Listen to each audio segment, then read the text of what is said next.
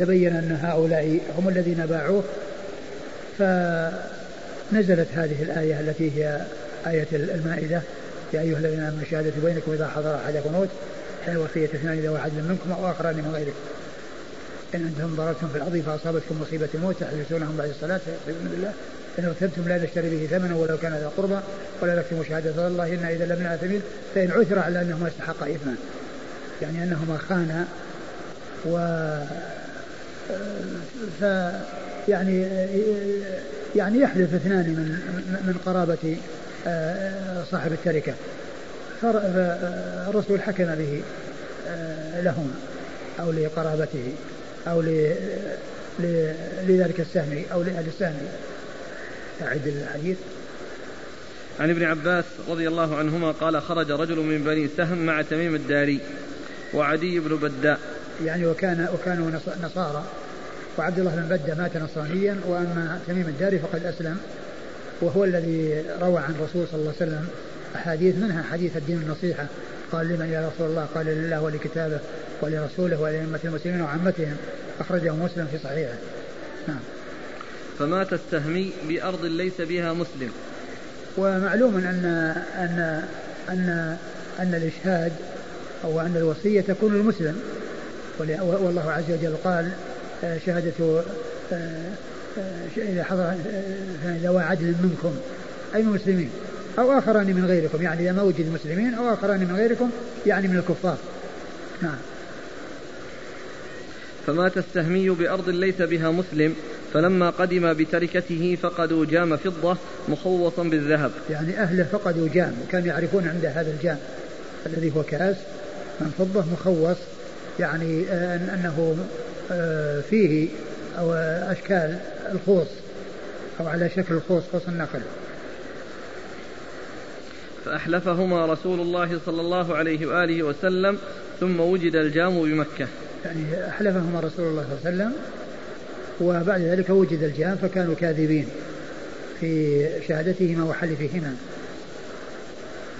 فقالوا اشتريناه من تميم وعدي. يعني الذين كان معهم في مكة أخبروا بأنه دخل عليهم بالشراء من تميم وعدي.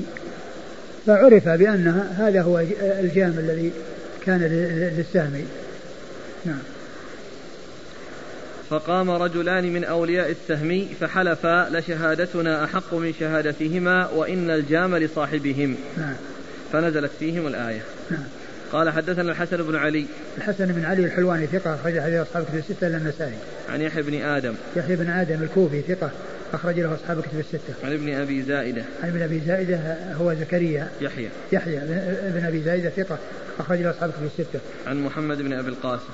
عن محمد بن أبي القاسم وهو ثقة أخرج البخاري تعليقا وأبو داود والترمذي. ثقة أخرجه البخاري تعليقا وأبو داود والترمذي. عن عبد الملك بن سعيد بن جبير. عن عبد الملك بن سعيد بن جبير وهو لا بأس به أخرج البخاري وأبو داود والترمذي. لا بأس به أخرجه البخاري وأبو داود والترمذي. عن أبيه عن أبي سعيد بن جبير وهو ثقة أخرج له أصحاب كتب الستة. عن ابن عباس. عن عبد الله بن عباس وقد مر ذكره. والله تعالى أعلم وصلى الله وسلم وبارك على عبده ورسوله نبينا محمد وعلى آله وأصحابه أجمعين.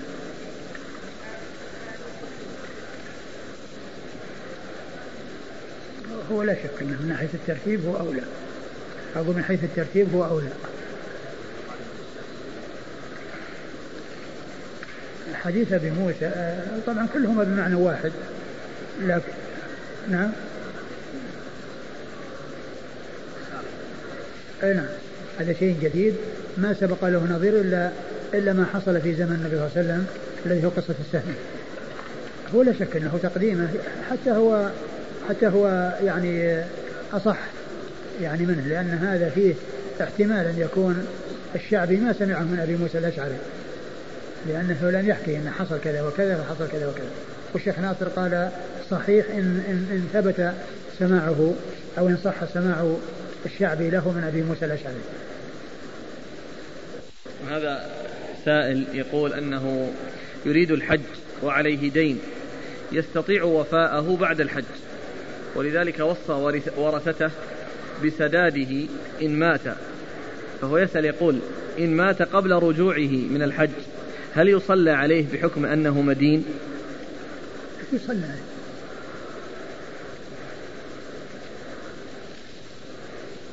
بالنسبة هذا الذي في بلد يعني في الوصية إذا لم يجد هذا الرجل إلا مسلما لكنه غير مأمون مطلقا ووجد كتابي مأمون. فمن يوصي ومن يعطي تركته هذا طبعا المسلم أولى من ال...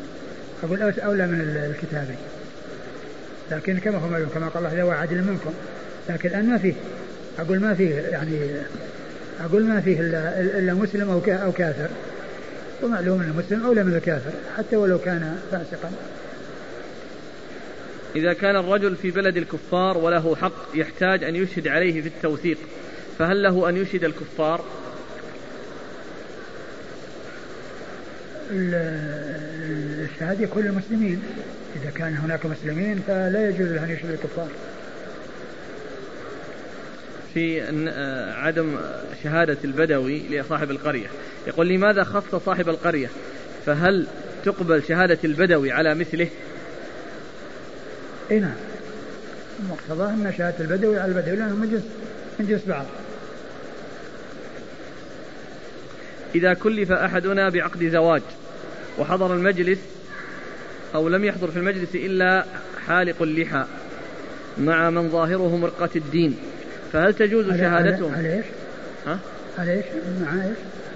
مع إيش؟ كلف أحدنا بعقد زواج والذين يحضرون المجلس حلاق اللحى ومن ظاهرهم رقة الدين فهل تجوز شهادتهم على العقد عقد النكاح؟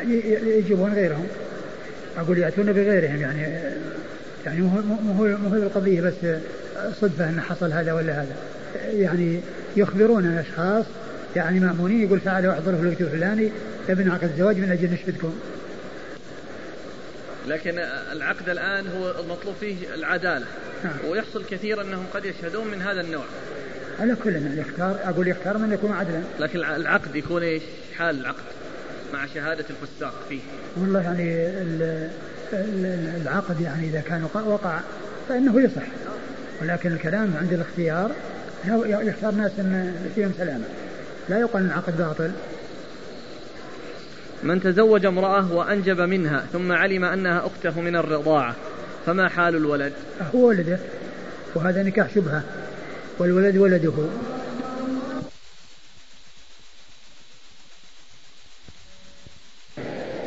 بسم الله الرحمن الرحيم الحمد لله رب العالمين والصلاة والسلام على عبد الله ورسوله نبينا محمد وعلى آله وصحبه أجمعين أما بعد قال الإمام أبو داود السجستاني رحمه الله تعالى باب إذا علم الحاكم صدق الشاهد الواحد يجوز له أن يحكم به قال حدثنا محمد بن يحيى بن فارس أن الحكم بن نافع حدثهم قال أخبرنا شعيب عن الزهري عن عمارة بن خزيمة أن عمه حدثه وهو من أصحاب النبي صلى الله عليه وآله وسلم أن النبي صلى الله عليه وعلى آله وسلم ابتاع فرسا من أعرابي فاستتبعه النبي صلى الله عليه وآله وسلم ليقضيه ثمن فرسه فأسرع رسول الله صلى الله عليه وآله وسلم المشي وأبطأ الأعرابي.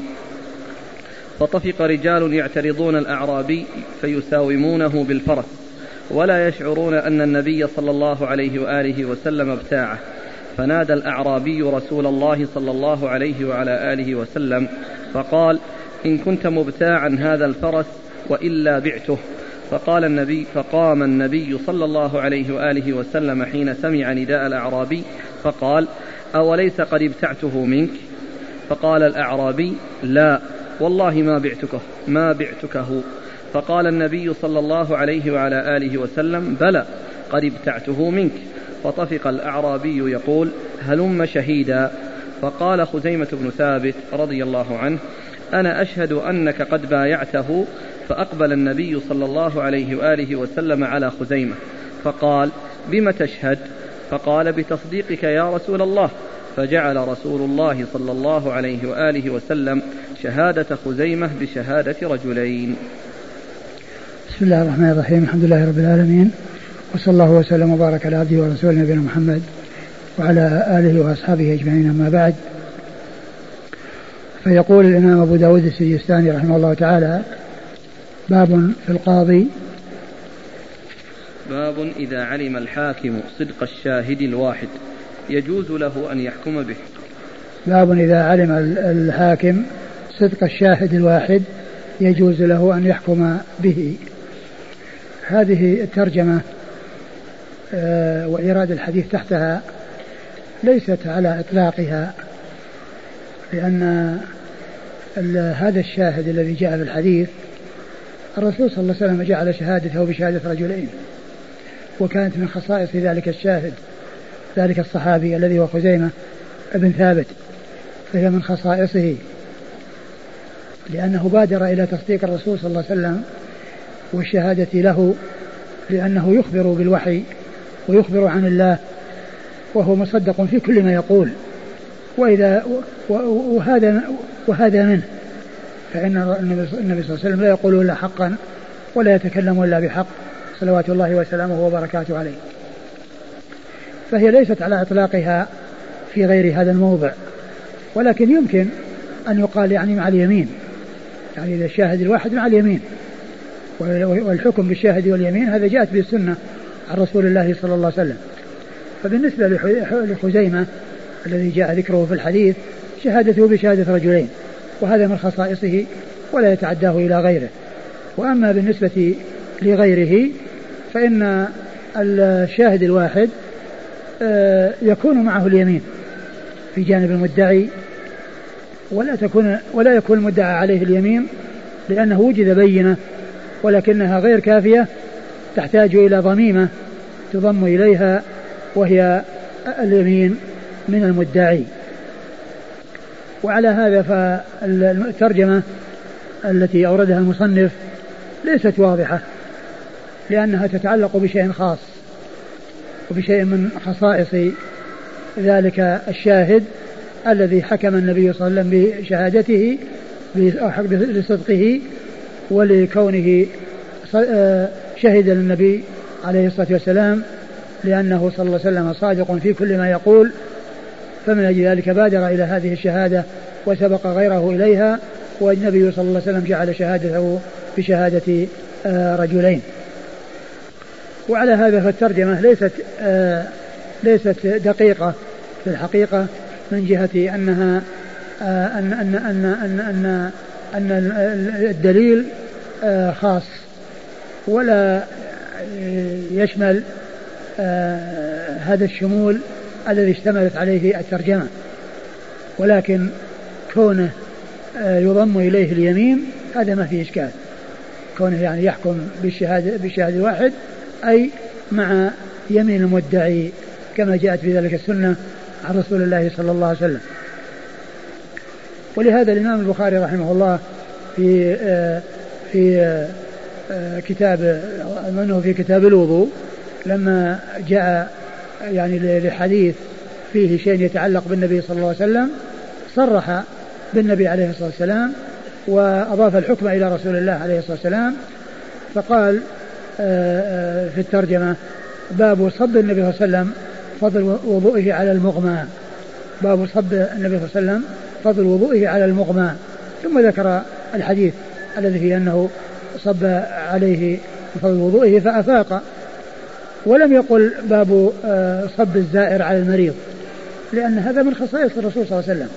كون يعني ما لامس بدنه يكون فيه بركة ويكون له ميزة على غيره آه، أتى بهذا بهذه الترجمة الخاصة التي تدل على الخصوصية للنبي صلى الله عليه وسلم ولم يأتي بترجمة عامة آه، تكون أوسع من من من من مما جاء في الحديث حيث قال باب صب النبي صلى الله عليه وسلم فضل الوضوء على المغمى عليه. ولم يقل باب آه، صب الزائر على المغمى عليه يعني فضل وضوءه لأن الرسول صلى الله عليه وسلم فضل الوضوء فيه بركة وله ميزة على غيره بخلاف غيره من الناس فإنه لا يكون كذلك. لأن هذا من خصائصه عليه الصلاة والسلام. نعم.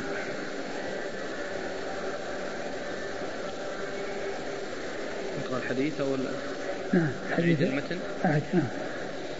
عن عمارة بن خزيمة أن عمه حدثه وهو من أصحاب النبي صلى الله عليه وآله وسلم أن النبي صلى الله عليه وعلى آله وسلم ابتاع فرسا من أعرابي. يعني الحديث عن أخو خزيمة الذي هو عم عمارة. عمارة بن بن بن, بن خزيمة بن ثابت. يعني عمه هو الذي يروي الحديث. نعم. أن النبي صلى الله عليه وعلى آله وسلم ابتاع فرسا من أعرابي فاستتبعه النبي صلى الله عليه وآله وسلم ليقضيه ثمن فرسه. ابتاع يعني اشترى. فاستتبعه النبي صلى الله عليه وسلم قال له اتبعني. اتبعني وذهب النبي صلى الله عليه وسلم ليعطيه قيمة الفرس وتبعه. ولكن آه، الرسول صلى الله عليه وسلم أسرع وتقدم والأعرابي كان يمشي ببطء فصار هناك فجوة كبيرة بينه وبين النبي صلى الله عليه وسلم والناس لقوا هذا الأعرابي اللي معه الفرس وهو يريد أن يبيعه فصاروا يساومونه ولا يعلمون أن النبي صلى الله عليه وسلم اشتراه. وكأنه وجد يعني آآ آآ زيادة أو يعني شيء أكثر مما كان باعه على النبي صلى الله عليه وسلم فنادى رسول الله صلى الله عليه وسلم إن كنت مبتاعا وإلا فسأبيع فالنبي صلى الله عليه وسلم التفت إليه وقال ألم ألم تبعني؟ قال لا ما بعتك. وحلف على ذلك. وهذا الذي حصل من هذا الأعرابي مثال من جفاء الأعراب وجهلهم. وقد سبق أن مر في الحديث قريبا أنه لا يشهد شهادة البدوي على الحضري وأن أنه يغلب عليهم الجهل وعدم الاتيان بالأمور على حقيقتها.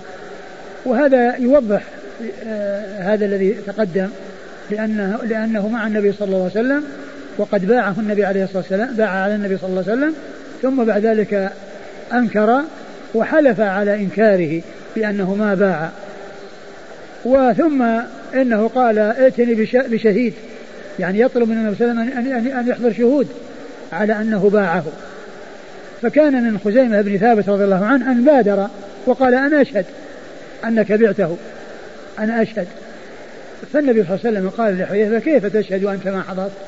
قال أشهد على صدقك لأنه يأتي بخبر السماء ويأتي بالوحي والناس يصدقونه في كل ما يقول ثم لا يصدقونه في كلام مع أعرابي فهم يصدقونه في كل ما يقول. صلوات الله وسلامه وبركاته عليه. فجعل النبي صلى الله عليه وسلم شهادته بشهادة رجلين وهذه من خصائصه رضي الله تعالى عنه وأرضاه. نعم. أن النبي صلى الله عليه وآله وسلم ابتاع فرسا من أعرابي فاستتبعه النبي صلى الله عليه وآله وسلم ليقضيه ثمن فرسه فأسرع رسول الله صلى الله عليه وآله وسلم المشي وأبطأ الأعرابي فطفق رجال يعترضون الأعرابي فيساومونه بالفرس. ولا يشعرون أن النبي صلى الله عليه وآله وسلم ابتاعه. فنادى الأعرابي رسول الله صلى الله عليه وآله وسلم فقال إن كنت مبتاعا هذا الفرس وإلا بعته. فقام النبي صلى الله عليه وآله وسلم حين سمع نداء الأعرابي فقال أوليس قد ابتعته منك؟ فقال الأعرابي لا والله ما بعتكه فقال النبي صلى الله عليه وآله وسلم بلى قد ابتعته منك. فطفق الأعرابي يقول هلم شهيدا. فقال خزيمة بن ثابت أنا أشهد أنك قد بايعته. وهذا من جفاء ذلك الأعرابي. كون أيضا يطلب من النبي شهيد يطلب من النبي صلى الله عليه وسلم شهيد. يطلب من النبي صلى الله عليه وسلم من يشهد على ذلك. فأقبل النبي صلى الله عليه وآله وسلم على خزيمة فقال بم تشهد؟ فقال بتصديقك يا رسول الله. فجعل رسول الله صلى الله عليه وآله وسلم شهادة خزيمة بشهادة رجلين. نعم قال حدثنا محمد بن يحيى بن فارس. محمد بن يحيى بن فارس الذهلي وهو ثقة أخرج حديثه البخاري وأصحاب السنن. عن الحكم بن نافع. عن الحكم بن نافع وهو أبو اليمان ثقة أخرج له أصحاب كتب الستة. عن شعيب. شعيب بن أبي حمزة وهو ثقة أخرج له أصحاب كتب الستة. عن الزهري. عن الزهري وهو محمد بن مسلم بن عبيد الله بن شهاب الزهري ثقة أخرج له أصحاب كتب الستة. عن عمارة بن خزيمة. عن عمارة بن خزيمة بن ثابت وهو ثقة أخرجه أصحاب السنن. ثقة أخرجه أصحاب السنن. عن عمه. عن عمه ذكر قيل اسمه عمارة قاله ابن منده. يعني عمارة عمه. هكذا ذكر في المبهمات. آه وذكر من خرج له؟ لا. آه. نعم. يقول الأخ هل تم البيع بيع الأعرابي للنبي صلى الله عليه وسلم مع أنهما لم يفترقا؟ آه نعم البيع تم لأنه ذهب. الرسول صلى الله عليه وسلم يعني ذهب ليوفيه وهذا قد لحقه وهو إنما ذهب ليوفيه الثمن. عليه وسلم تقدمه ومشى. وهذا آه، تابع له من أجل أن أن أن يسلم له الثمن. نعم. هذه في نسخة بالأشبال آه، قال قيل اسمه عمارة. ووضع بين قوسين بن ثابت صحابي. ورمز له بدال وسين. دال سين؟ نعم. وبالمناسبة زياد العصفري. الأخ عمر يقول أنه راجع التهذيب ووجد أنه أبو داود وابن ماجه وليس فيه النسائي. التهذيب؟ تهذيب الكمال. أيوه. تهذيب الكمال هو جعل في ترجمة ابنه سفيان. ما ذكر له ترجمة مستقلة. لما ترجم له قال ترجمته أو كذا في, في ابن سفيان. وعند سفيان ما فيه إلا أنه روى عن أبيه. وما ذكر شيء يتعلق به. فإذا إلا كان أنه يعني لما قال ترجمته كذا رمز. أقول رمز لها عند عند ذكر الترجمة. يمكن. رمز له إيه رمز له إذا كان رمز لها نعم. نعم. أقول رمز لها إيه. أي نعم.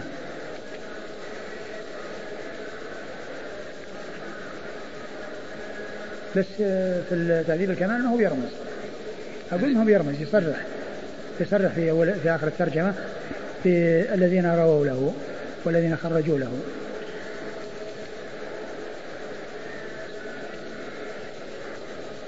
وفي تهذيب التهذيب فيها سين بس.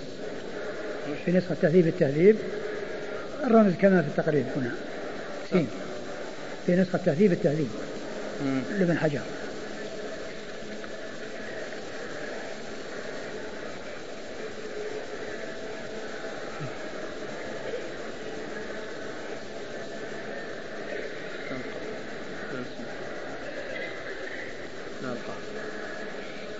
إذا علم القاضي صدق أحد المتخاصمين فهل له أن يقضي بناء على علمه؟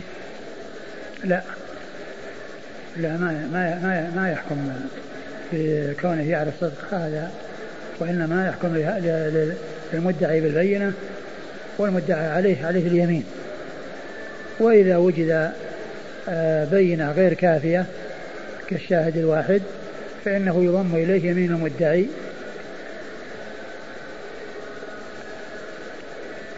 وهذه القصة التي آه، معنا والتي ترجم لها المصنف هذه الترجمة يمكن أن تصح مع يمين المدعي. يمكن أن تكون معتبرة مع يمين المدعي. قال رحمه الله تعالى باب القضاء باليمين والشاهد.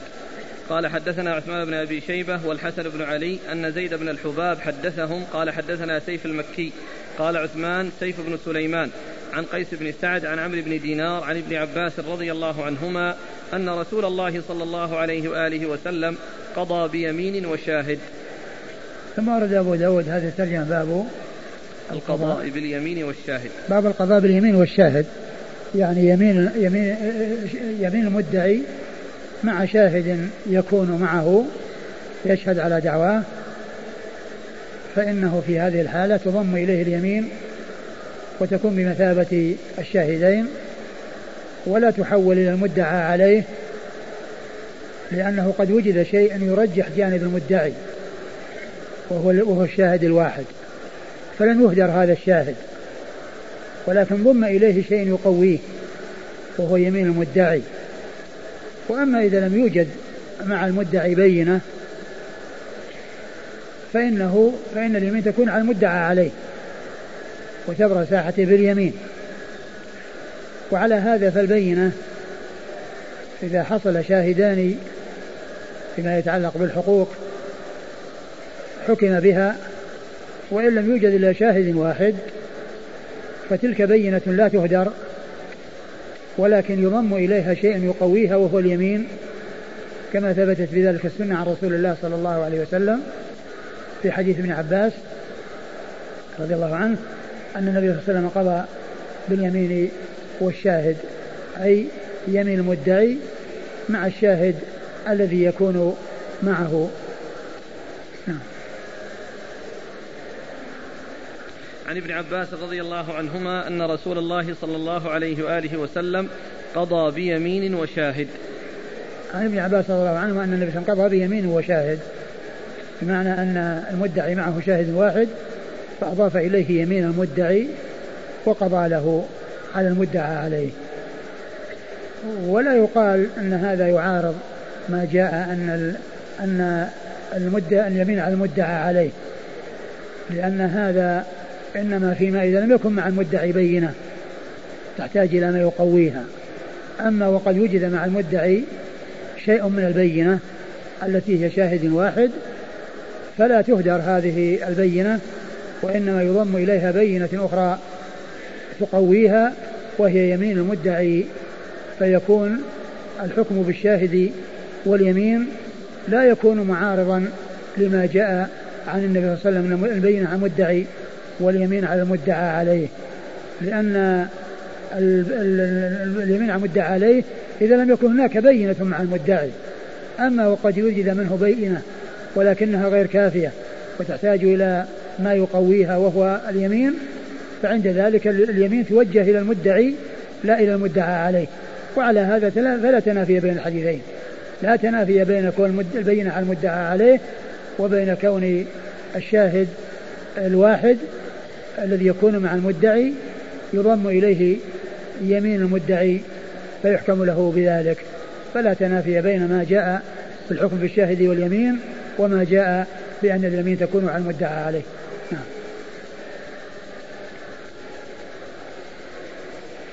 قال حدثنا عثمان بن أبي شيبة. عثمان بن أبي شيبة ثقة أخرج له أصحاب الكتب الستة إلا الترمذي وإلا النسائي فقد أخرج له في عمل اليوم والليلة. والحسن بن علي. الحسن بن علي الحلواني ثقة أخرج له أصحاب الكتب الستة إلا النسائي. عن زيد بن الحباب. عن زيد بن الحباب وهو صدوق أخرج البخاري في جزء القراءة ومسلم وأصحاب السنن صدوق أخرجه البخاري في جزء القراءة ومسلم وأصحاب السنن عن سيف المكي وقال عثمان سيف بن سليمان. قال عن سيف المكي وقال سليمان سيف بن وقال عثمان سيف بن سليمان. قال عثمان نعم. سيف بن سليمان الشيخ الأول من هو؟ الحسن بن علي. الحسن بن علي. يعني أن الحسن بن علي قال سيف المكي فقط ولم ينسبه لم يذكر اسم أبيه. وأما الشيخ الثاني الذي هو آه عثمان بن أبي شيبة فإنه قال آه آه سيف بن سليمان. سيف بن سليمان يعني ذكر اسم أبيه وهو ثقة أخرج أصحاب الكتب إلا الترمذي. ثقة أخرج أصحاب الكتب الستة إلا الترمذي. عن قيس بن سعد. عن قيس بن سعد وهو؟ ثقة أخرج البخاري تعليقا ومسلم وأبو داود والنسائي بن ماجه. ثقة أخرجه البخاري تعليقا؟ نعم ومسلم ومسلم وأبو داود والترمذي والنسائي. وأبو داود والنسائي وأبو داود والنسائي وابن ماجه. عن عمرو بن دينار. عن عمرو بن دينار المكي وهو ثقة أخرج له أصحاب الكتب الستة. عن ابن عباس. عن ابن عباس عبد الله بن عباس بن عبد المطلب ابن عم النبي صلى الله عليه وسلم وأحد العبادلة الأربعة من الصحابة وأحد السبعة المعروفين بكثرة الحديث عن النبي صلى الله عليه وسلم.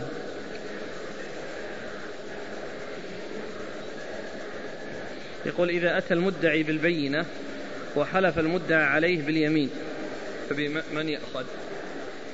أصل المدعى عليه ما ما تطلب منه اليمين إلا إذا عدمت البينة. البينة هي المقدمة أولا والبحث عنها وإثباتها هو المقدم ولا يصار إلى المدعى عليه بأن يحلف إلا إذا عدمت البينة. فحلف المدعي يعني قبل أن يبحث عن البينة في غير محله ولا يستحلف القاضي المدعى عليه إلا إذا عدم المدعي البينة. قال حدثنا محمد بن يحيى وسلمة بن الشبيب قال حدثنا عبد الرزاق قال أخبرنا محمد بن سلم. محمد بن مسلم. محمد بن مسلم الطائفي. قال أخبرنا محمد بن مسلم عن عمرو بن دينار بإسناده ومعناه قال سلم في حديثه قال عمرو في الحقوق. ثم أورد أبو داود الحديث من طريق أخرى. وقال بمعناه يعني بمعنى الحديث الذي تقدم. نعم. قال حدثنا محمد بن يحيى. محمد بن يحيى مر ذكره. وسلمة بن شبيب. وسلمة بن شبيب ثقة أخرج حديثه مسلم. وأصحاب السنة. مسلم وأصحاب السنة. عن عبد الرزاق. عبد الرزاق بن همام الصنعاني اليماني ثقة. أخرج له أصحاب كتب الستة. عن محمد بن مسلم. عن محمد بن مسلم الطائفي وهو صدوق يخطئ من حفظه أخرج البخاري تعليقا ومسلم وأصحاب السنة. صدوق أخرج حديث البخاري تعليقا ومسلم وأصحاب السنة. عن عمرو بن دينار بإسناده ومعناه. عن عمرو بن دينار مر ذكره. قال بإسناده ومعناه قال سلم في حديثه قال عمرو في الحقوق. قال عمرو في الحقوق يعني أن مثل هذه الشهادة التي ذكرها اليمين والشاهد إنما هي في الحقوق لا تكون في كل شيء.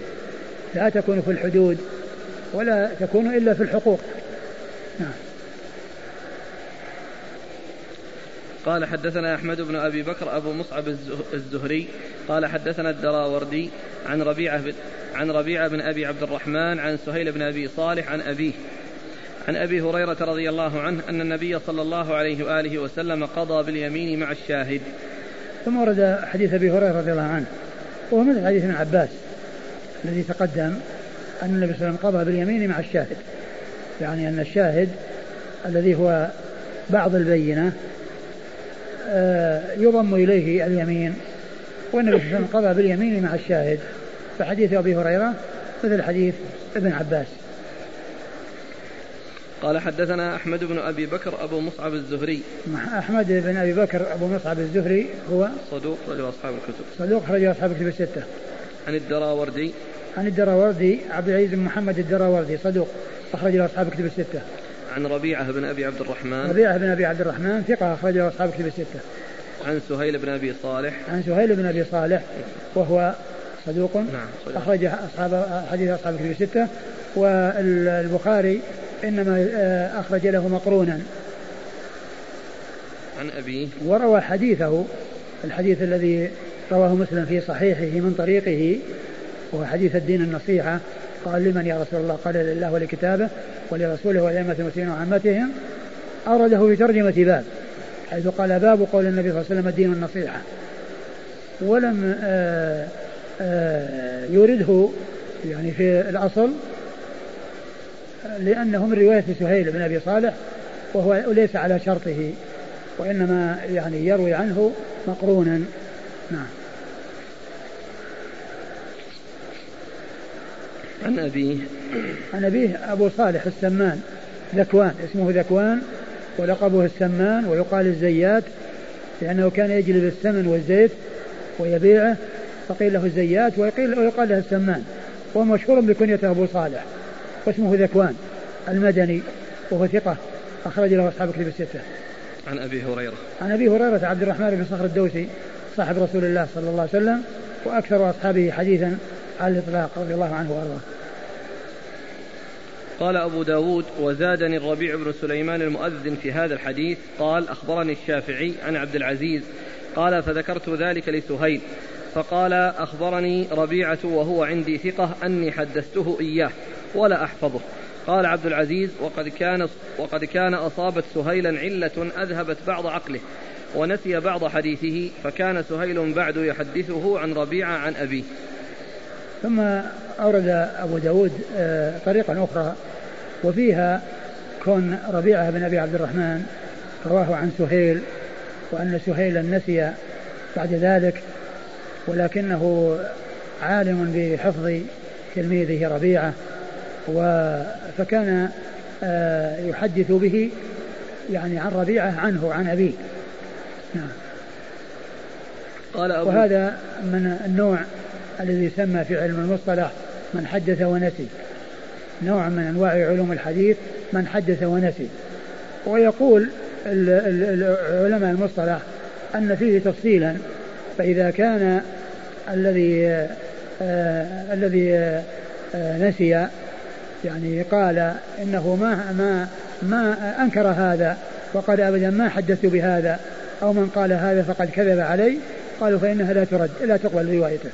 وأما إذا قال لا أذكر أو أنه قال إنه ثقة وهو يعني وأنا قد نسيت فإنه في هذه الحالة تعتبر روايته وكان آه، بعض الرواة يقول حدثني فلان عني أني حدثته عن أبي بكذا نعم قال أبو داود وزادني الربيع بن سليمان المؤذن الربيع بن سليمان المؤذن هو المرادي وهو ثقة أخرج له أصحاب السنن عن الشافعي عن الشافعي محمد بن إدريس الشافعي الإمام المحدث الفقيه أحد أصحاب المذاهب الأربعة المشهورة من مذاهب أهل السنة وحديثه أخرجه أصحاب كتب الستة. البخاري تعليقا وأصحاب السنن. البخاري البخاري تعليقا؟ نعم. البخاري تعليقا وأصحاب السنن. عن عبد العزيز عن سهيل والدراوردي عن سهيل عن, عن سهيل وابن أبي صالح. عن ربيعة هو ابن ابي عبد الرحمن. قال حدثنا محمد بن داود الإسكندراني. قال حدثنا زياد يعني بن يونس. قال حدثني سليمان بن بلال عن ربيعة بإسناد أبي مصعب ومعناه. قال سليمان فلقيت سهيلا فسألته عن هذا الحديث فقال ما أعرفه؟ فقلت له إن ربيعة أخبرني به عنك. قال فإن كان ربيعة أخبرك عني فحدث به عن ربيعة عني. ثم أورد أبو داود الإسناد من طريق من طريق أخرى. وفيها أيضا نسيان يعني سهيل وتصديقه لربيعة وأنه آه، يعول على رواية ربيعة عنه. نعم.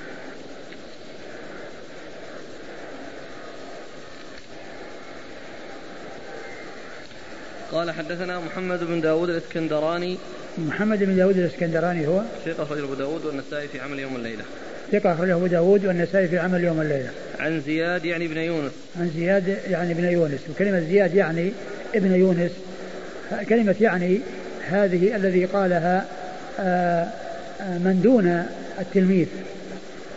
التي قالها من دون التلميذ لأن التلميذ هو الذي قال زياد ولم يزد عليها شيئا. فجاء من دون التلميذ وأضاف شيئا يوضح هذا المهمل فقال يعني ابن يونس. وكلمة يعني هذه فعل مضارع لها فاعل ولها قائل. ففاعل يعني فقائل يعني هو من دون التلميذ. يعني مثل أبي داود أو من دون أبي داود.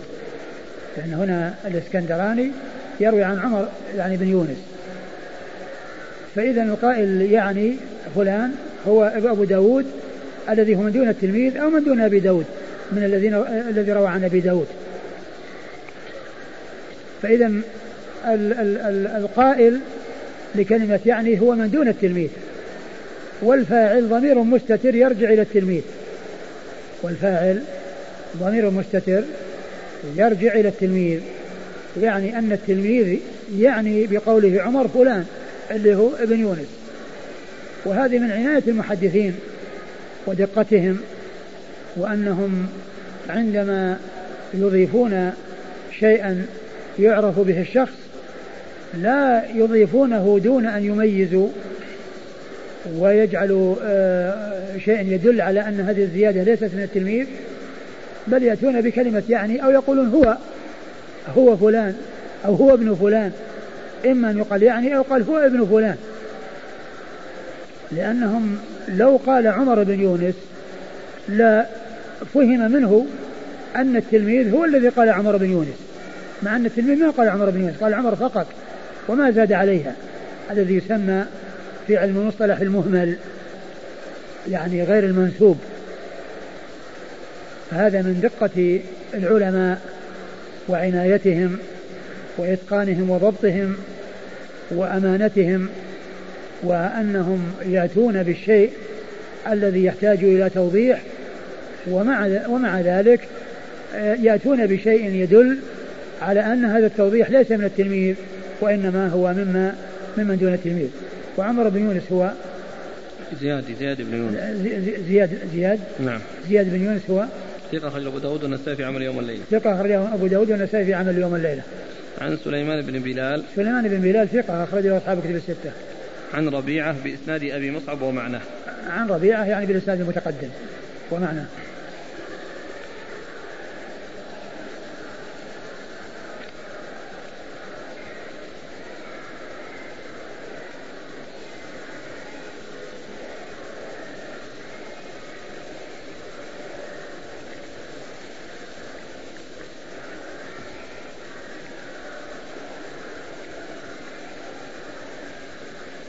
قال حدثنا أحمد بن عبده قال حدثنا عمار بن شعيب.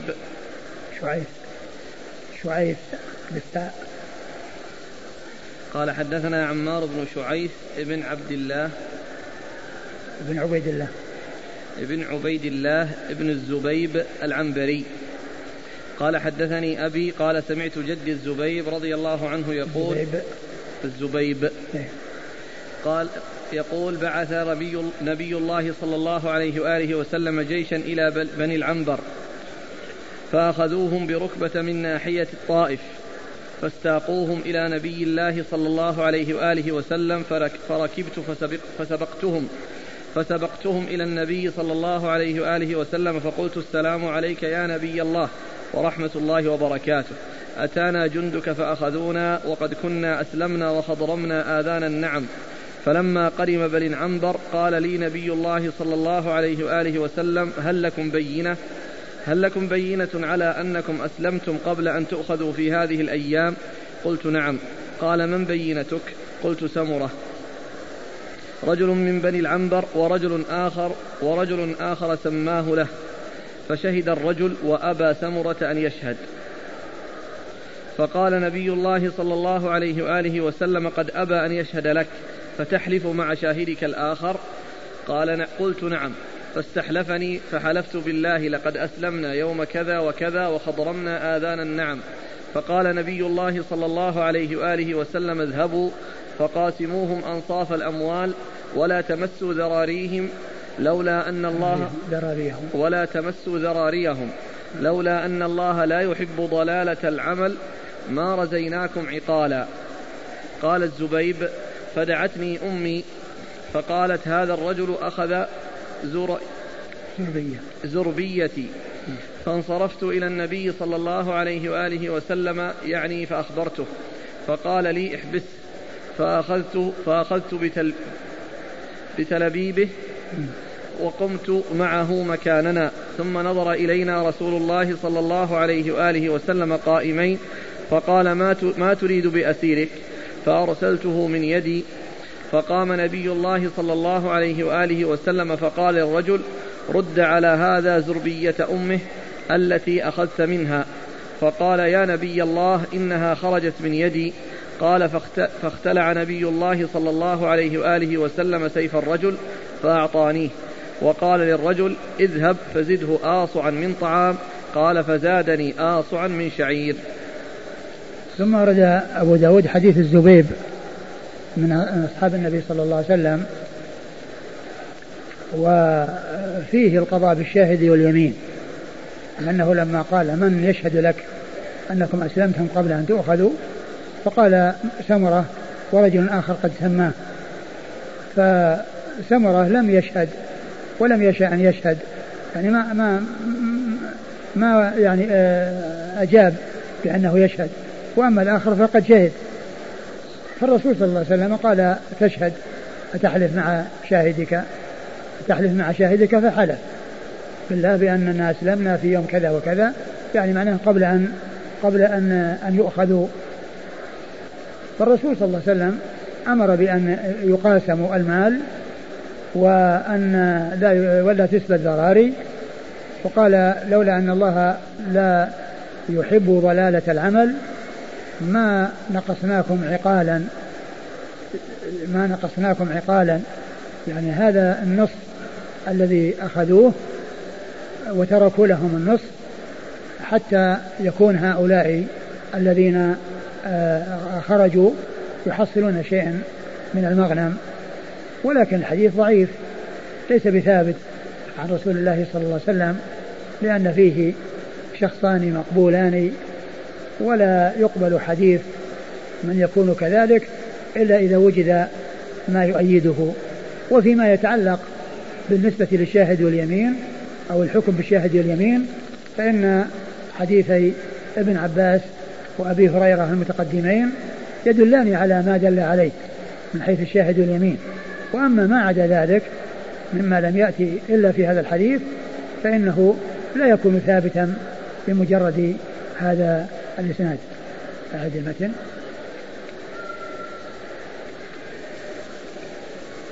عن الزبيب رضي الله عنه يقول بعث نبي الله صلى الله عليه وآله وسلم جيشا إلى بني العنبر فأخذوهم بركبة من ناحية الطائف. ركبة مكان يعني قريبا من الطائف.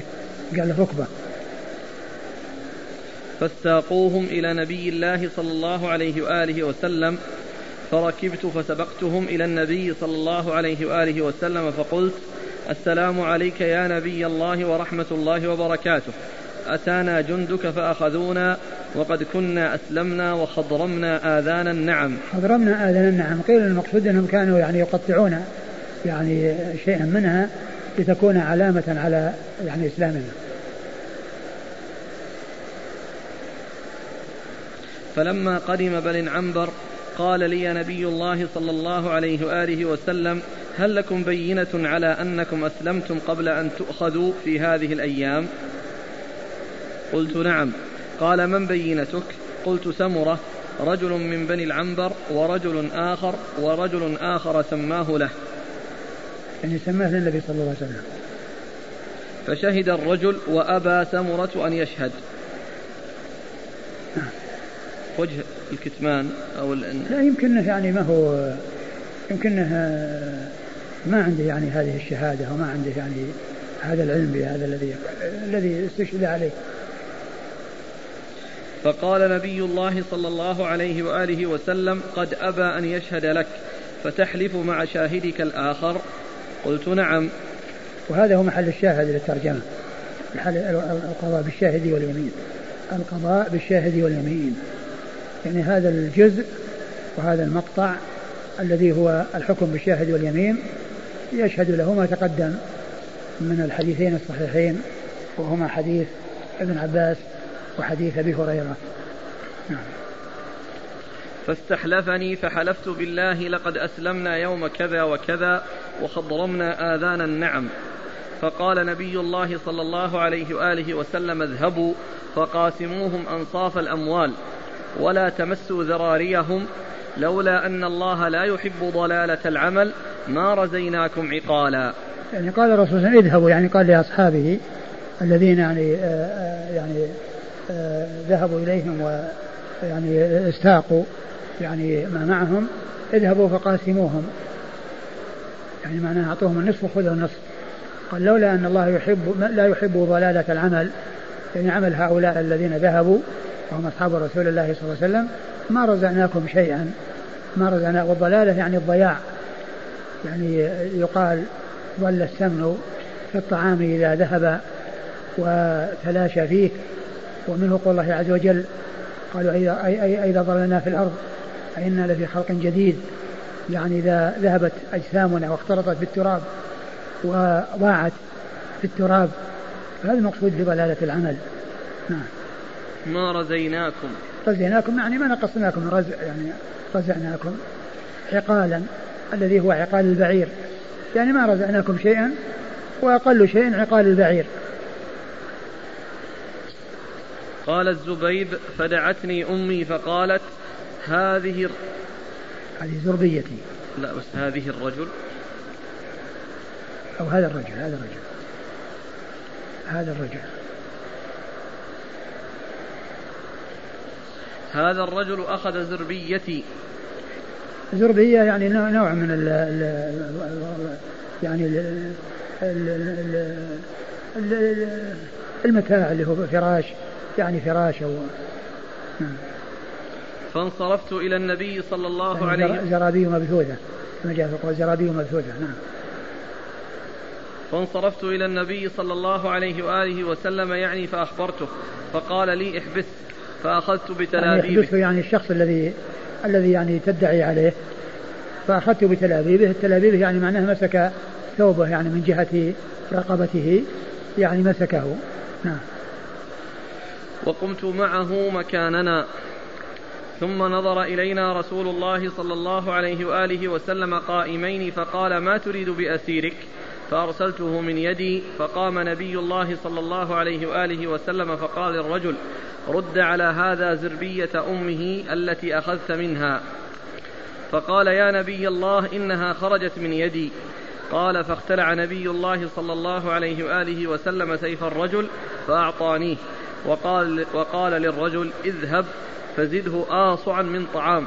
قال فزادني آصعا من شعير. يعني أنه لما, لما لم يجد الزرية حتى يردها والرسول صلى الله عليه وسلم أراد أن يعوضه عنها فأخذ سيفه وكأن السيف كان أقل من الزربية طلب منه أن يعوضه شيئا من الطعام فزاده على السيف آصعا من شعير ليكون ذلك السيف والآصع التي معه تقابل الزربية وهذا كله يعني ما عدا الشاهد واليمين آه، ما جاء إلا من هذا الطريق وهي غير ثابتة أو الحديث غير ثابت لوجود من هو متكلم فيه وهو يعني آه، ابن زبيب وابن ابنه. نعم. قال حدث زبيب وليس زبيب. نعم. قال حدثنا أحمد بن عبده. أحمد بن عبده الضبي وهو ثقة. أخرج حديث البخاري وأصحاب السنن. مسلم وأصحاب مسلم وأصحاب السنن. عن عمارة بن شعيث بن عبيد الله. عن عمارة بن شعيث وهو ثقة. مقبول. مقبول. أبو داود. هذا مقبول هو الذي يروي عن عن أبيه عن جده. إيه؟ نعم عمارة بن شعيث مقبول. أخرج له أبو داود. وشعيث يعني هنا صحفت إلى شعيب يعني جاء شعيب مصحفة والسبب في هذا أن شعيب غير مشهور. وشعيب مشهور. ويقولون للشيء المشهور الجادة والشيء الذي غير مشهور على خلاف الجادة. ولهذا يحصل التصحيف في الشيء الغير مشهور فيؤتى به على اللفظ المشهور. لأن لفظ شعيب مشهور وشعيب غير مشهور. وقد سبق أن مر بنا رجل اسمه أبو أناس الرقاشي. أبو أناس وصحف إلى أبو إياس لأن إياس هي الجادة. وأناس هذا على خلاف الجادة. فالشيء الذي هو غير مألوف وغير مشهور آه، يحصل التصحيف إلى ما هو مشهور.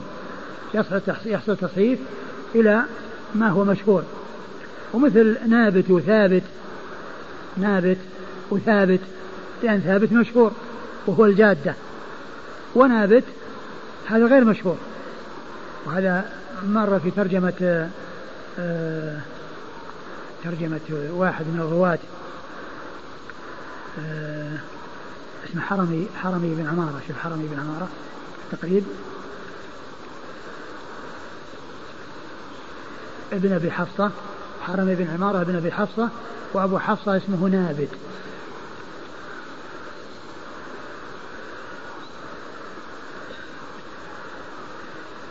نعم. حرمي بن عمارة بن أبي حفصة نابت بنون بنون وموحدة ثم مثنى. وقيل كالجادة. وقيل كالجادة يعني ثابت. وقيل كالجادة يعني ثابت. لأن لفظ ثابت هو الجادة يعني ال ال ال ال الواسع أو الشيء الكثير. ونابت يعني قليل جدا أو نادر. ولهذا يذكر ابن حجر في تبصير المنتبه في تحرير المشتبه عندما يذكر آه، الكثير يقول كذا الجادة. ثم يذكر شيء على خلاف الجادة مثل أحمد. أحمد هو الجادة. كثير من يقال له أحمد. وفي شخص قال له أجمد أجمد بالجيم هذا نادر. هذا على خلاف الجادة. يعبرون الشيء يعني المشهور بالجادة وبغير بغيره على خلاف الجادة. والتصحيف يحصل بسبب ذلك في إخراجه من غير الجادة إلى الجادة مثل ما هنا قال شعيب شعيب يعني آه، صح صحف من شعيب إلى شعيب ومثل ما مر بنا في أبو أناس صحف إلى أبو إياس.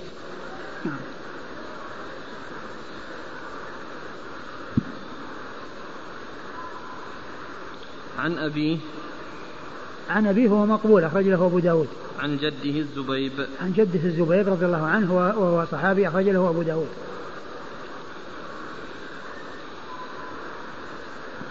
يقول الأخ ذكر الحديث بهذه التفاصيل ألا يدل على أن الراوي قد حفظه؟ حفظه لكن بس الإسناد ما هو ثابت قد يكون الحديث طويلا ومحفوظ والذي آه، أتى به حفظه. ولكن ال ال الإسناد آه، لا يعول عليه وإنما يحتاج إلى ما يؤيده. فالذي وجد ما يؤيده وهو الشاهد واليمين هذا اعتبر. والذي بخلافه آه، طبعا ما ما جاء إلا من هذا الطريق فلا يعتبر ثابتا. قال رحمه الله تعالى باب الرجلين يدعيان شيئا وليست لهما بينة. قال حدثنا محمد بن منهال الضرير قال حدثنا يزيد بن زريع قال حدثنا ابن أبي عروبة عن قتادة عن سعيد بن أبي بردة عن أبيه عن جده أبي موسى الأشعري رضي الله عنه أن رجلين ادعيا بعيرا أو دابة إلى النبي صلى الله عليه وآله وسلم ليست لواحد منهما بينة فجعله النبي صلى الله عليه وآله وسلم بينهما. ثم أورد أبو داود هذه الترجمة وهي باب الرجلين يدعيان الشيء وليس بينهما بينة.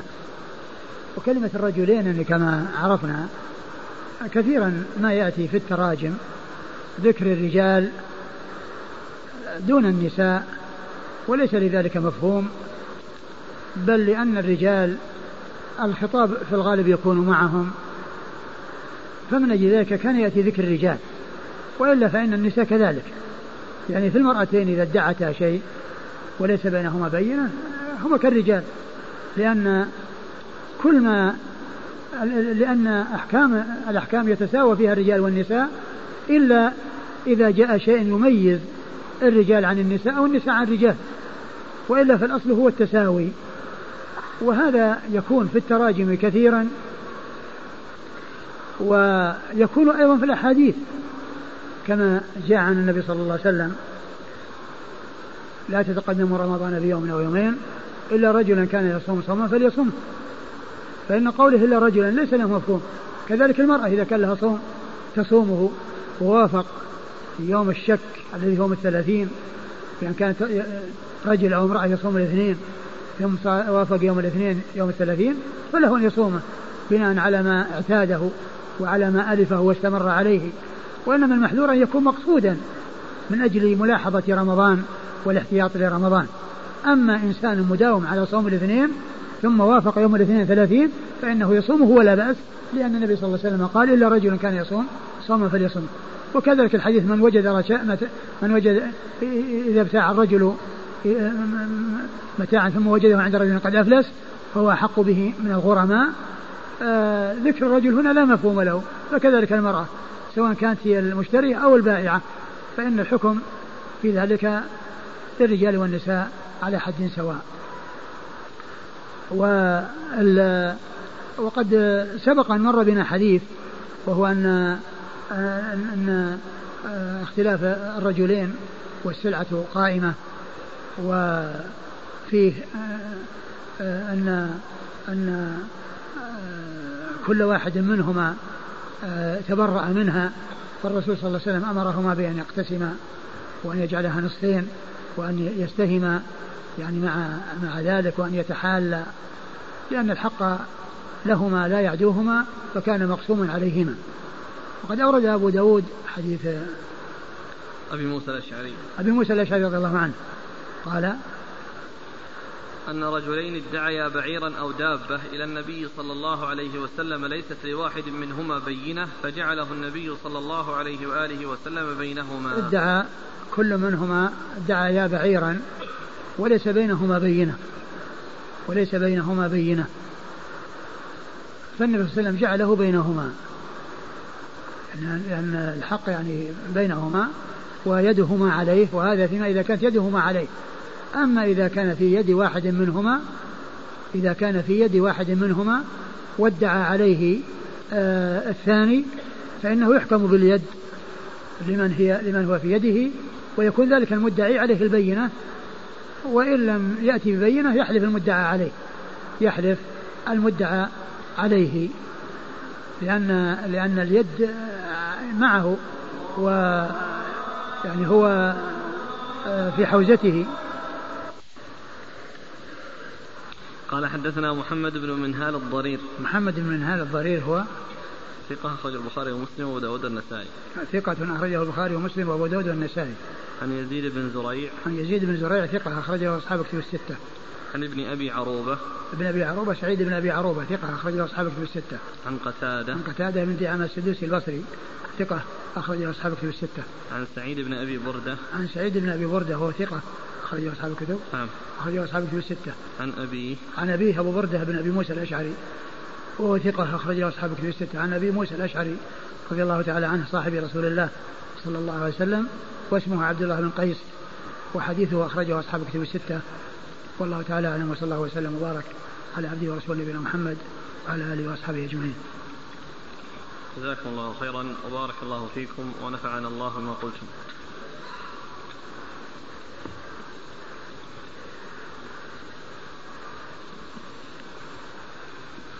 أليست هذه القصة شبيهة بما حصل لسليمان عليه الصلاة والسلام مع المرأتين اللتين ادعيتا الإبن فقال ائتوني بسكين؟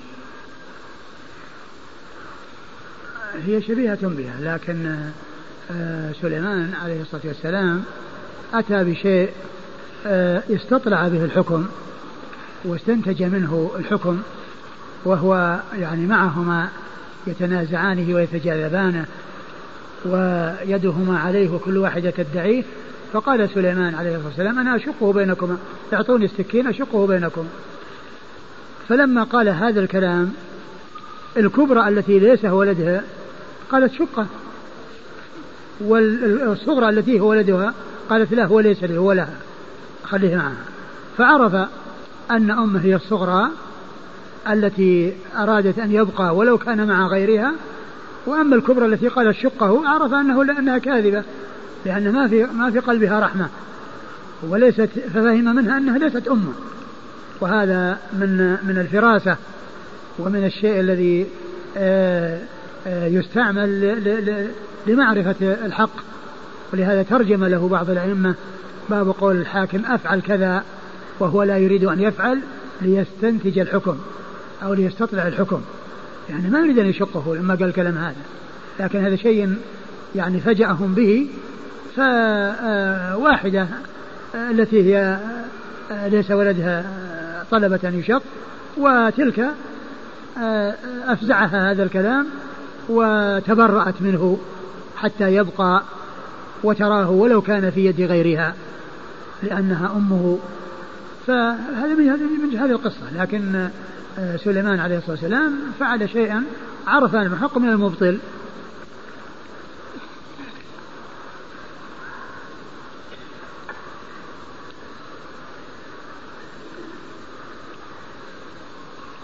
يقول الأخ هل الليلة القادمة هي ليلة الإسراء والمعراج؟ الإسراء والمعراج ليس له ليلة معينة معروفة لأنه لم يثبت فيها شيء. على أنها ليلة 27 أو أنها غير ليلة 27 ولو ثبت أنها ليلة 27 ولا إشكال فيها لو حصل أنها لا إشكال فيها فلا يجوز أن تخص بشيء لم تأتي به السنة عن رسول الله صلى الله عليه وسلم. لأن الحق إنما هو باتباع النبي صلى الله عليه وسلم. ولا يميز ليلة عن الليالي إلا إذا جاء فيها فضيلة.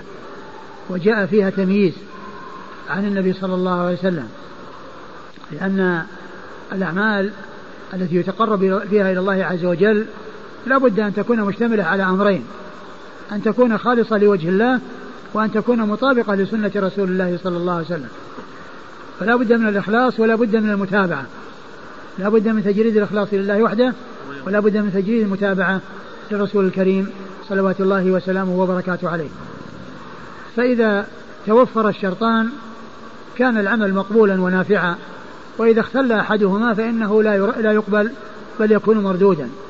فإذا فقد الإخلاص وإن كان العمل مبني على سنة وأنه مطابق للسنة لكن فقد فيه الإخلاص فإنه يكون مردودا لقول الله عز وجل وقدمنا إلى ما عملوا من عمل فجعلناه هباء منثورا وفي الحديث القدسي أنا أنا الشركاء عن الشرك من عمل عملا أشرك فيه معي, معي غيري تركته وشركه.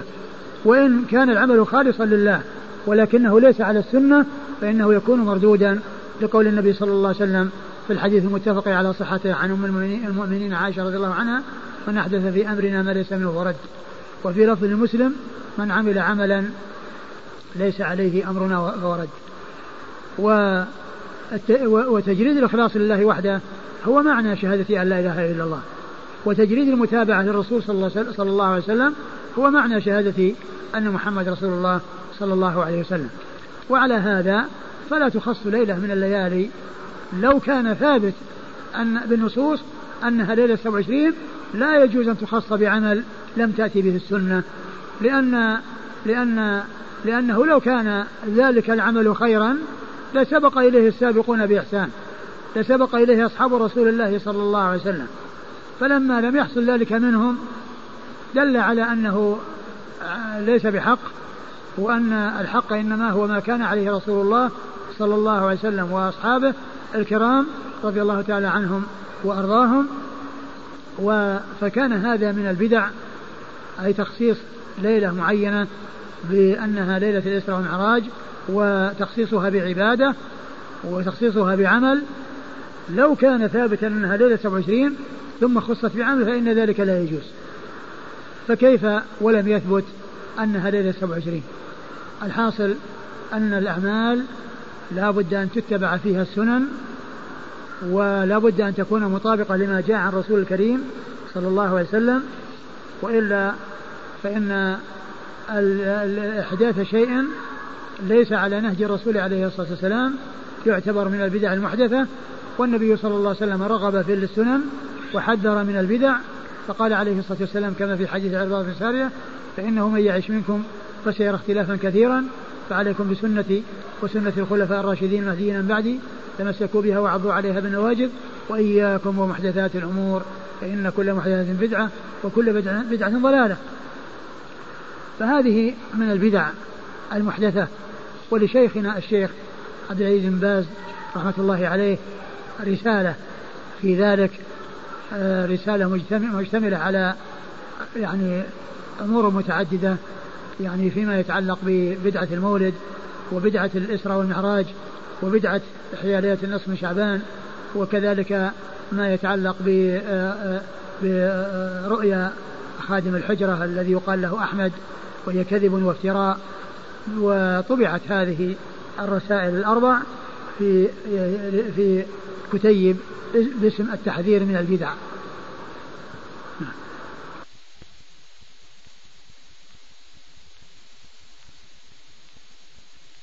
الرحمن الرحيم.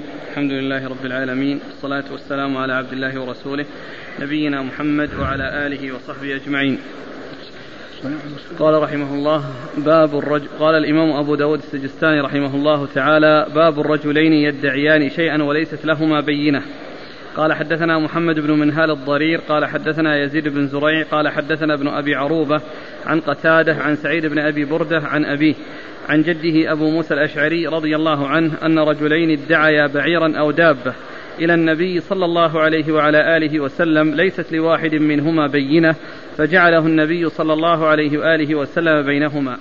قال حدثنا الحسن بن علي قال حدثنا يحيى بن آدم قال حدثنا عبد الرحيم بن سليمان عن سعيد بإسناده ومعناه. قال حدثنا الحسن بن علي. اللي بعده الحديث اللي بعده؟ قال حدثنا محمد بن بشار قال حدثنا حجاج بن منهال قال حدثنا همام عن قتادة بمعنى إسناده أن رجلين ادعيا بعيرا على عهد النبي صلى الله عليه وآله وسلم فبعث كل واحد منهما شاهدين. فقسمه النبي صلى الله عليه وآله وسلم بينهما نصفين. قال حدثنا محمد بن المنهال قال حدثنا يزيد بن زريع قال حدثنا ابن أبي عروبة عن قتادة عن خلاس عن أبي رافع عن أبي هريرة رضي الله عنه أن رجلين اختصما في متاع إلى النبي صلى الله عليه وآله وسلم ليس لواحد منهما بينة. فقال النبي صلى الله عليه وآله وسلم استهما على اليمين ما كان أحب استهما على اليمين ما كان أحب ذلك أو كرها. نعم. قال حدثنا أحمد بن حنبل وسلمة بن شبيب. قال قال حدثنا عبد الرزاق قال أحمد قال حدثنا معمر عن همام بن منبه عن أبي هريرة رضي الله عنه عن النبي صلى الله عليه وآله وسلم أنه قال إذا كره الاثنان اليمين أو استحباها فليستهما عليها. قال سلمة قال أخبرنا معمر وقال إذا أكره الاثنان على اليمين. قال حدثنا ابن أب قال حدثنا أبو بكر بن أبي شيبة قال حدثنا خالد بن الحارث عن سعيد بن أبي عروبة بإسناد ابن, ابن منهال مثله. قال في دابة وليس لهما بينة فأمرهما رسول الله صلى الله عليه وآله وسلم أن يستهما على اليمين. بسم الله الرحمن الرحيم الحمد لله رب العالمين وصلى الله وسلم وبارك على عبده ورسوله نبينا محمد وعلى آله وأصحابه أجمعين. أما بعد فيقول الإمام أبو داود السجستاني رحمه الله تعالى باب مفرجلان يدعيان شيئا وليس لأحدهما بينة. آه أي أن كل من الشخصين يدعي كل منهما أن ذلك الحق له أي أن تلك العين المعينة له وليس لهذا بينة وليس لهذا بينة. فما الحكم في ذلك؟ هل تقسم بينهما أو يكون غير ذلك. ذكر أبو داود رحمه الله في هذه الترجمة عدة أحاديث. من هذه الأحاديث أنه ليس لأحد منهم بينة ثم قضى بقسمتها بينهما وأنهما يكونان فيهما على حد سواء. وجاء في بعضها أن كل منهما أحضر شاهدين وأن الرسول صلى الله عليه وسلم قسمها بينهما. وجاء في أحاديث أنهما يستهمان يعني على يعني على الحلف فيحلف من يقع له السهم أو السهام فيكون له. وقد اختلف العلماء في هذه المسألة على أقوال منهم من قال إنه آه، يسوى بينهما وأنه يقسم بينهما ومنهم من قال إن إنه آه، آه، يكون لمن يقع له الاستهام فيحلف ويحوز ذلك. وقد ذكر العلماء في ذلك أقوالا. والذي يظهر والله تعالى أعلم هو أنهما يقتسمان في ذلك على حد سواء حيث لم يوجد بينة أو وجد بينات ولكنها متساوية. ولا يوجد بينات ولكنها متساوية. فإنه يكون الأمر لا يعدوهما فيكون آه، يقسم بينهما. آه، فهذا هو يعني خلاصة ما جاء في هذه الأحاديث التي سمعناها. نعم. لكن قضية بعضها لهم بينة وفي بعضها ليست لهم بينة. على ماذا يحمل؟ آه لهما بينة آه تكون تساوت البينات البينات فتساوت فتساقطت فصار وجودها كعدمها فرجعت المسألة إلى أنه ليس بينة. وعلى كل فما دام أن أنه ليس هناك بينات أوجد بينات ولكنها متساوية فإنها فإن الأمر آه، النتيجة أنه يقسم بينهما لأنه لا مرجح لأحدهما على الآخر. لا بس أنا قصدي أنه يعني ما يحكم بالاضطراب لأن ممكن توجيه الرواية على ما ذكرتم. توجيه رواية أن عندهم بينة ورواية أن ليس لهما بينة. يمكن أن يكون تكون مسألة قضيتين ويمكن تكون قضية واحدة ولكن اعتبر آه، وجود البينة كلا وجود لأن النتيجة أنهما تساوتا فتساقطتا.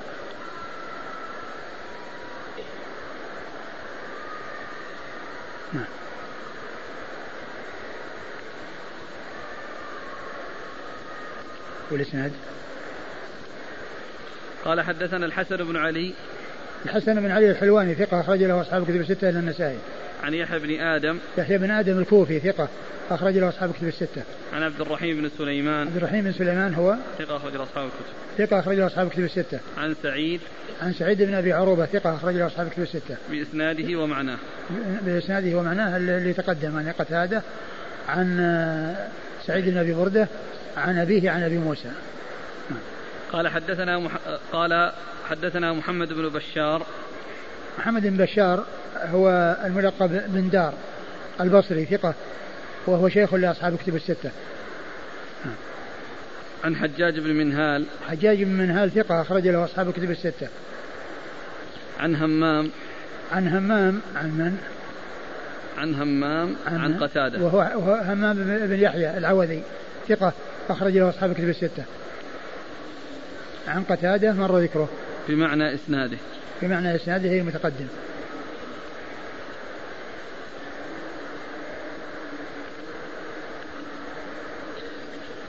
قوله في هذا فقسمه النبي صلى الله عليه وسلم بينهما نصفين.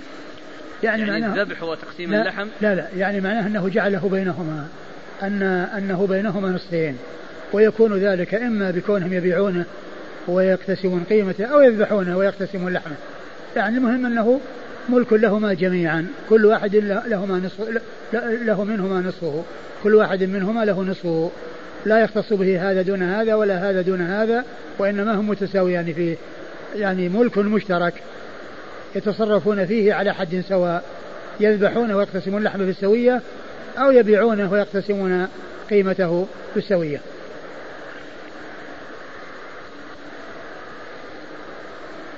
قال حدثنا محمد بن المنهال. محمد بن المنهال الضرير ثقة أخرج له. البخاري ومسلم وأبو داود النسائي البخاري ومسلم وأبو داود النسائي عن عن يزيد بن زريع. يزيد بن زريع ثقة أخرج له أصحاب كتب الستة. عن ابن أبي عروبة عن قتادة عن خلاس خلاس هو بن عمرو الهجري وهو ثقة أخرج حديث أصحاب كتب الستة. عن أبي رافع. عن أبي رافع وهو الصائغ وهو ثقة أخرج أصحاب الكتب. أخرج أصحاب الكتب الستة. عن أبي هريرة. عن أبي هريرة عبد الرحمن بن صخر الدوسي صاحب رسول الله صلى الله عليه وسلم وهو أكثر الصحابة حديثا عن الإطلاق رضي الله عنه وأرضاه. في هذا الحديث أن رجلين اختصما في متاع والذي تقدم دابة ثم قال بعير. يعني هنا متاع وبعير لا اختصم في متاع إلى النبي صلى الله عليه وسلم. ليس لواحد منهما بينة. والذي سبق بارك الله فيك دابة أو بعير. أي نعم. يعني هذا يعني قد يفهم منها أنها قضيتين. فقال النبي صلى الله عليه وسلم استهم على اليمين ما كان أحب ذلك أو كره يعني استهم على اليمين ما كان على أي حال؟ سواء كان في حال استحبابهما أو في حال كراهيتهما. على جميع الأحوال سواء أحب أو كره فإنهما يستهمان. يعني يعملان قرعة. قال حدثنا أحمد بن حنبل آه، أحمد بن حنبل آه، أحمد بن محمد بن حنبل الشيباني الإمام المحدث الفقيه أحد أصحاب المذاهب الأربعة المشهورة من مذاهب السنة وحديث أخرجه أصحاب الكتب الستة. وسلمة بن شبيب. سلمة بن شبيب ثقة أخرجه مسلم وأصحاب السنن. عن عبد الرزاق. عبد الرزاق بن همام الصنعاني اليماني ثقة أخرج له أصحاب الكتب الستة. قال أحمد قال حدثنا معمر. قال أحمد حدثنا معمر يعني التعبير الذي جاء عن أحمد أنه حدثنا معمر. وذاك أخبرنا الثاني اللي هو سلمة بن الشبيب الشبيب قال أخبرنا وهذا قال حدثنا. يعني الفرق بين الصيغة عند هذا وهذا. نعم. عن همام بن منبه عن أبي هريرة. همام منبه ثقة أخرجه أصحاب في الستة إلا أبن ماجه أخرجه بالتفسير.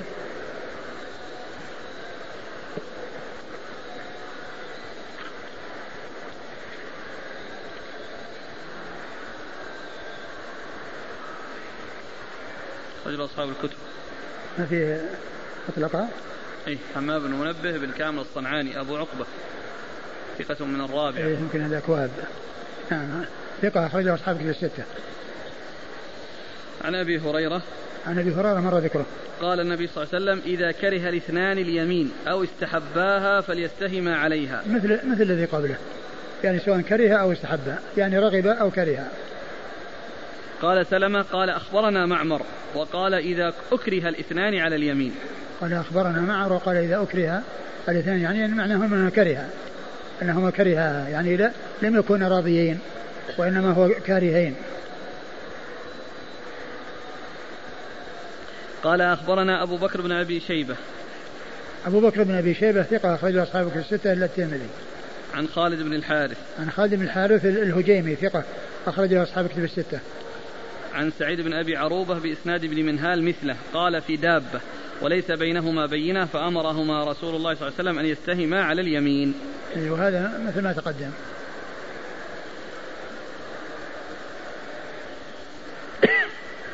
أحسن الله إليك. تضعيف الشيخ الألباني للأحاديث الثلاثة الأول من هذا الباب وجهه؟ ما أدري لعله قال كأن المسألة أنها فيه إرسال لكنه لكنه ذكر أن شعبة الذي جاء من طريقه مرسلا جاء من طريقه متصلا.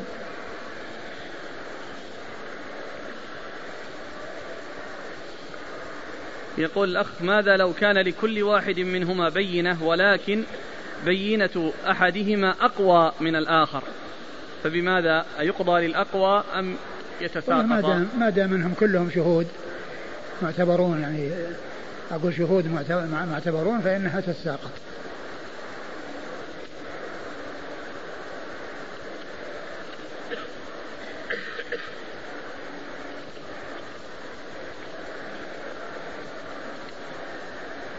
يقول الأخ يستهم على ماذا والبعير مقسوم بينهما بالسوية؟ لا لأن هذا على على هذا القول ليس فيه قسمة بالسوية.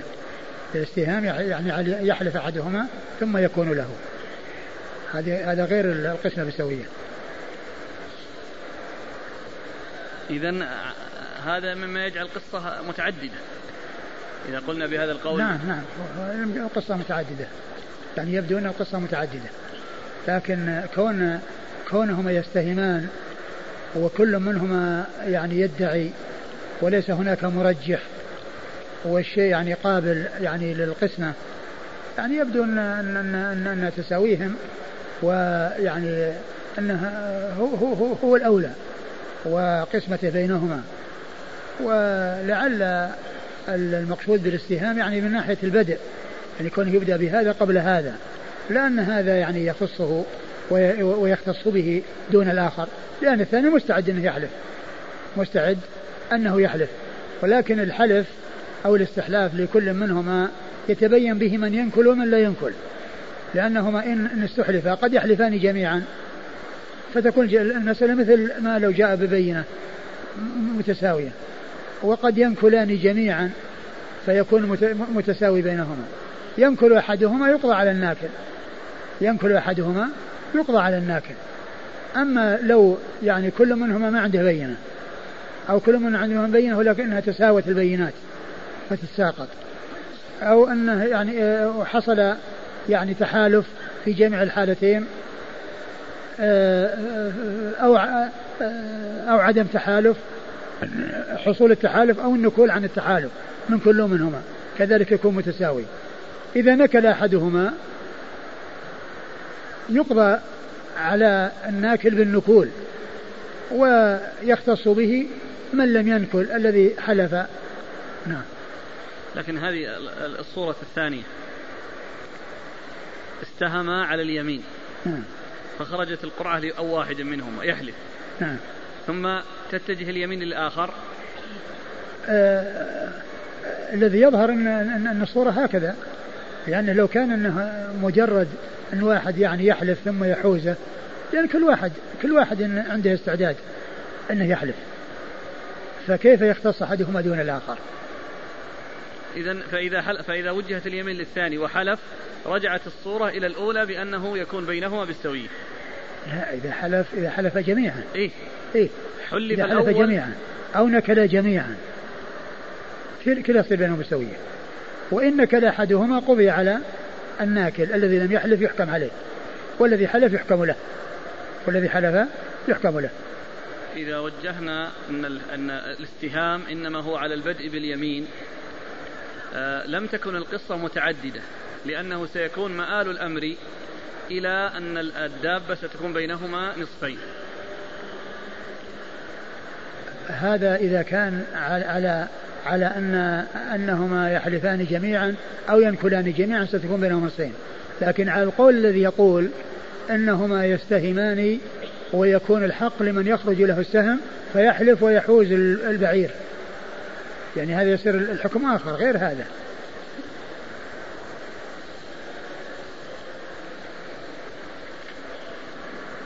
قال رحمه الله تعالى باب في اليمين على المدعى عليه. قال حدثنا عبد الله بن مسلمة القعنبي قال حدثنا نافع بن عمر عن ابن أبي مليكة قال كتب إلي ابن عباس رضي الله عنهما أن رسول الله صلى الله عليه وآله وسلم قضى باليمين على المدعى عليه. ثم رد أبو داود باب في اليمين على المدعى عليه. آه المدعى عليه هو الذي الذي هو مطلوب لأن المدعي طالب والمدعى عليه مطلوب. وقال المدعي عليه المدعي هو الذي إذا سكت لم يطلب. والمدعى عليه هو الذي لو سكت يطلب. المدعى عليه سكوته ما ينفع لأن الطالب يتابعه. وأما صاحب الحق إذا سكت خلاص انتهت القضية ما في ما, ما هناك دعوة ولا هناك إشكال. فهذا طالب وهذا مطلوب. والمدعي يلزمه أن يقيم بينة. فإن لم يقم بينة ولم يعترف المدعى عليه بما ادعي عليه لأنه إذا ادعي عليه واعترف انتهى. وإن لم يوجد بينة ولم يعترف المدعى عليه توجهت اليمين على المدعى عليه وبرئت ساحته وبرئت ساحته بذلك. وإنما لزمت البينة على المدعي لأن لأنه لو كانت أو كان يعطى بمجرد دعواه لترتب على ذلك أن يدعي أناس أموال قوم ودماهم. ما دام من مجرد كلامه ودعواه سينفعه دون أن يقيم بينة فإنه يترتب على ذلك أن كل يدعي ويأخذ أموال الناس ويستحل دماءهم وغير ذلك. لكن جاءت الشريعة بأن المدعي يأتي بالبينة وإن لم يأتي بالبينة ولم يقر المدعى عليه فإن اليمين تتوجه إلى المدعى عليه ويحلف وتبرأ ساحته. وإن وجد مع المدعي شاهد واحد تضم إليه يمين المدعي ويقضى له لأن لأن لأن جانبه صار أقوى من جانب المدعى عليه لوجود بعض البينة. فضم إليها اليمين كما سبق أن مر في الباب السابق أن النبي صلى الله عليه وسلم قضى بالشاهد واليمين. وقد أورد أبو داود حديث ابن عباس رضي الله تعالى عنهما قال أن النبي صلى الله عليه وسلم قضى باليمين على المدعى عليه. أن النبي صلى الله عليه وسلم قضى باليمين على المدعى عليه يعني أن اليمين توجه إلى المدعى عليه ولا تطلب اليمين من المدعي إلا إذا كان معه شاهد واحد فتضم إليه اليمين. نعم. قال حدثنا عبد الله بن مسلمة القعنبي. عبد الله بن مسلمة القعنبي ثقة أخرج له أصحاب كتب الستة لما ماجه. عن نافع بن عمر. عن نافع بن عمر ثقة أخرج له أصحاب كتب الستة. عن ابن أبي مليكة. عن ابن أبي مليكة هو عبد الله بن عبيد الله. نعم. عبد الله بن عبيد الله هو ثقة أخرج له أصحاب كتب الستة. قال كتب إلي ابن عباس. ابن عباس عبد الله بن عباس بن عبد المطلب ابن عم النبي صلى الله عليه وسلم وأحد العباد الأربعة من الصحابة وأحد السبعة المعروفين بكثرة الحديث عن النبي صلى الله عليه وسلم. وهذا فيه اعتبار الكتابة وهي يعني موجودة ومعروفة ومعتبرة بين الصحابة والتابعين وكذلك أيضا يعني في من دونهم كانوا يعتبرون الكتابة ويعولون عليها وهذا منها لأنه قال كتب إلي ابن عباس والبخاري قد استعملها في موضع واحد عن شيخه محمد بن بشار قال كتب إلي محمد بن بشار كتب إلي محمد بن بشار بكذا وكذا فالكتابة معتبرة. نعم. قال رحمه الله تعالى باب كيف اليمين؟ قال حدثنا مسدد قال حدثنا أبو الأحوص قال حدثنا عطاء بن السائب عن أبي يحيى عن ابن عباس رضي الله عنهما أن النبي صلى الله عليه وعلى آله وسلم قال يعني لرجل حلفه احلف بالله الذي لا إله إلا هو ما له عندك شيء. يعني للمدعي. ثم ورد أبو داود باب كيف اليمين؟ يعني كيف تكون اليمين؟ عندما يحلف ماذا يقول؟ ما هي الصيغة التي يأتي بها الحالف؟ ومعلوم أن الحالف عند القاضي هو الذي يلقنه القاضي يلقنه اليمين. ما يحلف يعني على ما يريد أو بما يريد ويقول له قل كذا وكذا. يعني يطلب منه أن يحلف ويلقنه الصيغة قل كذا وكذا.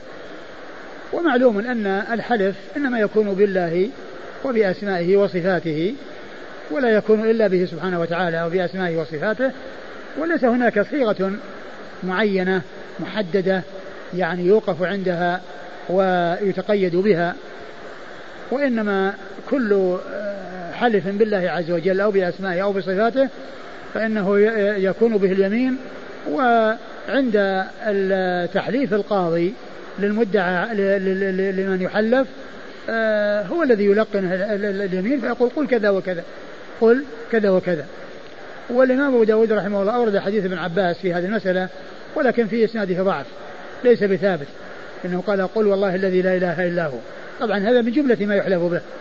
من جملة ما يحلف. قال والله الذي لا إله هو. أو والله العظيم.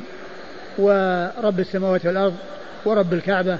وغير ذلك من من من من, من آه، من الصيغ التي آه، هي محل الحلف وذلك بأن تكون آه، في الله بالله عز وجل أو بأسمائه وصفاته. والحديث الذي ورد هنا والله الذي لا إله إلا هو فيه ضعف لأنه من رواية عطاء بن السائب والذي روى عنه من ليس ممن روى عنه قبل الاختلاط وهو أبو الأحوص سلام بن سليم. نعم. قال حدثنا مسدد. مسدد بن مسرهد البصري ثقة. أخرجه البخاري وأبو داود والترمذي والنسائي. عن أبي الأحوص. عن أبي الأحوص سلام بن سليم الحنفي ثقة أخرجه أصحاب كتب الستة. عن عطاء. عطاء بن السائب وهو صدوق اختلط وحديثه أخرجه البخاري مقرونا وأصحاب السنن. وعطاء بن السائب الذين رووا عنه قبل الاختلاط هم الذين تعتبر روايتهم وسلام بن سليم ليس منهم.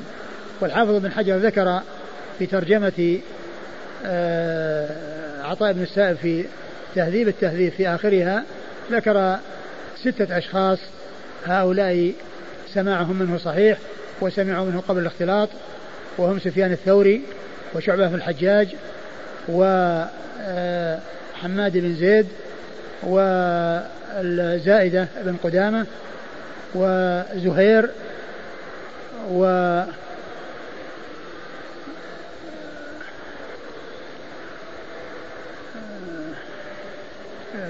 سفيان وشعبة و... وأيوب نعم. وأيوب هذا السادس وأيضا الأعمش فيكونون سبعة. هؤلاء رووا قبل الاختلاط. فإذا جاءت رواية عطاء بن السائب ويروي عنه واحد من هؤلاء فروايته صحيحة. وإذا جاء غيرهم فإذا كان ما جاء إلا من هذا الطريق فإنه لا يكون ثابتا الحديث. وإن كان جاء من طريق أخرى أو له شاهد فيكون العبرة بالشواهد التي آه، تؤيده وتقويه آه، آه، نعم. عن أبي يحيى.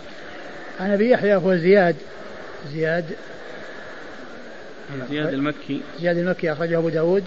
والنسائي. أبو داود والنسائي. عن ابن عباس. عن ابن عباس مر ذكره. قال أبو داود أبو يحيى اسمه زياد كوفي ثقة. قال رحمه الله تعالى باب إذا كان المدعى عليه ذميا أيحلف؟ قال حدثنا محمد بن عيسى قال حدثنا أبو معاوية قال حدثنا الأعمش عن شقيق عن الأشعث رضي الله عنه. قال كان بيني وبين رجل من اليهود أرض فجحدني. فقدمته إلى النبي صلى الله عليه وآله وسلم فقال لي النبي صلى الله عليه وآله وسلم ألك بينة. قلت لا. قال لليهودي احلف. قلت يا رسول الله إذا يحلف ويذهب بمالي. فأنزل الله إن الذين يشترون بعهد الله وأيمانهم ثمنا قليلا إلى آخر الآية. ثم ورد أبو داود باب في الذم يحلف. إذا كان المدعى عليه ذميا. إذا كان المدعى عليه ذميا أيحلف؟ أيحلف؟ نعم. إذا كان المدعى عليه ذميا أيحلف. نعم يحلف.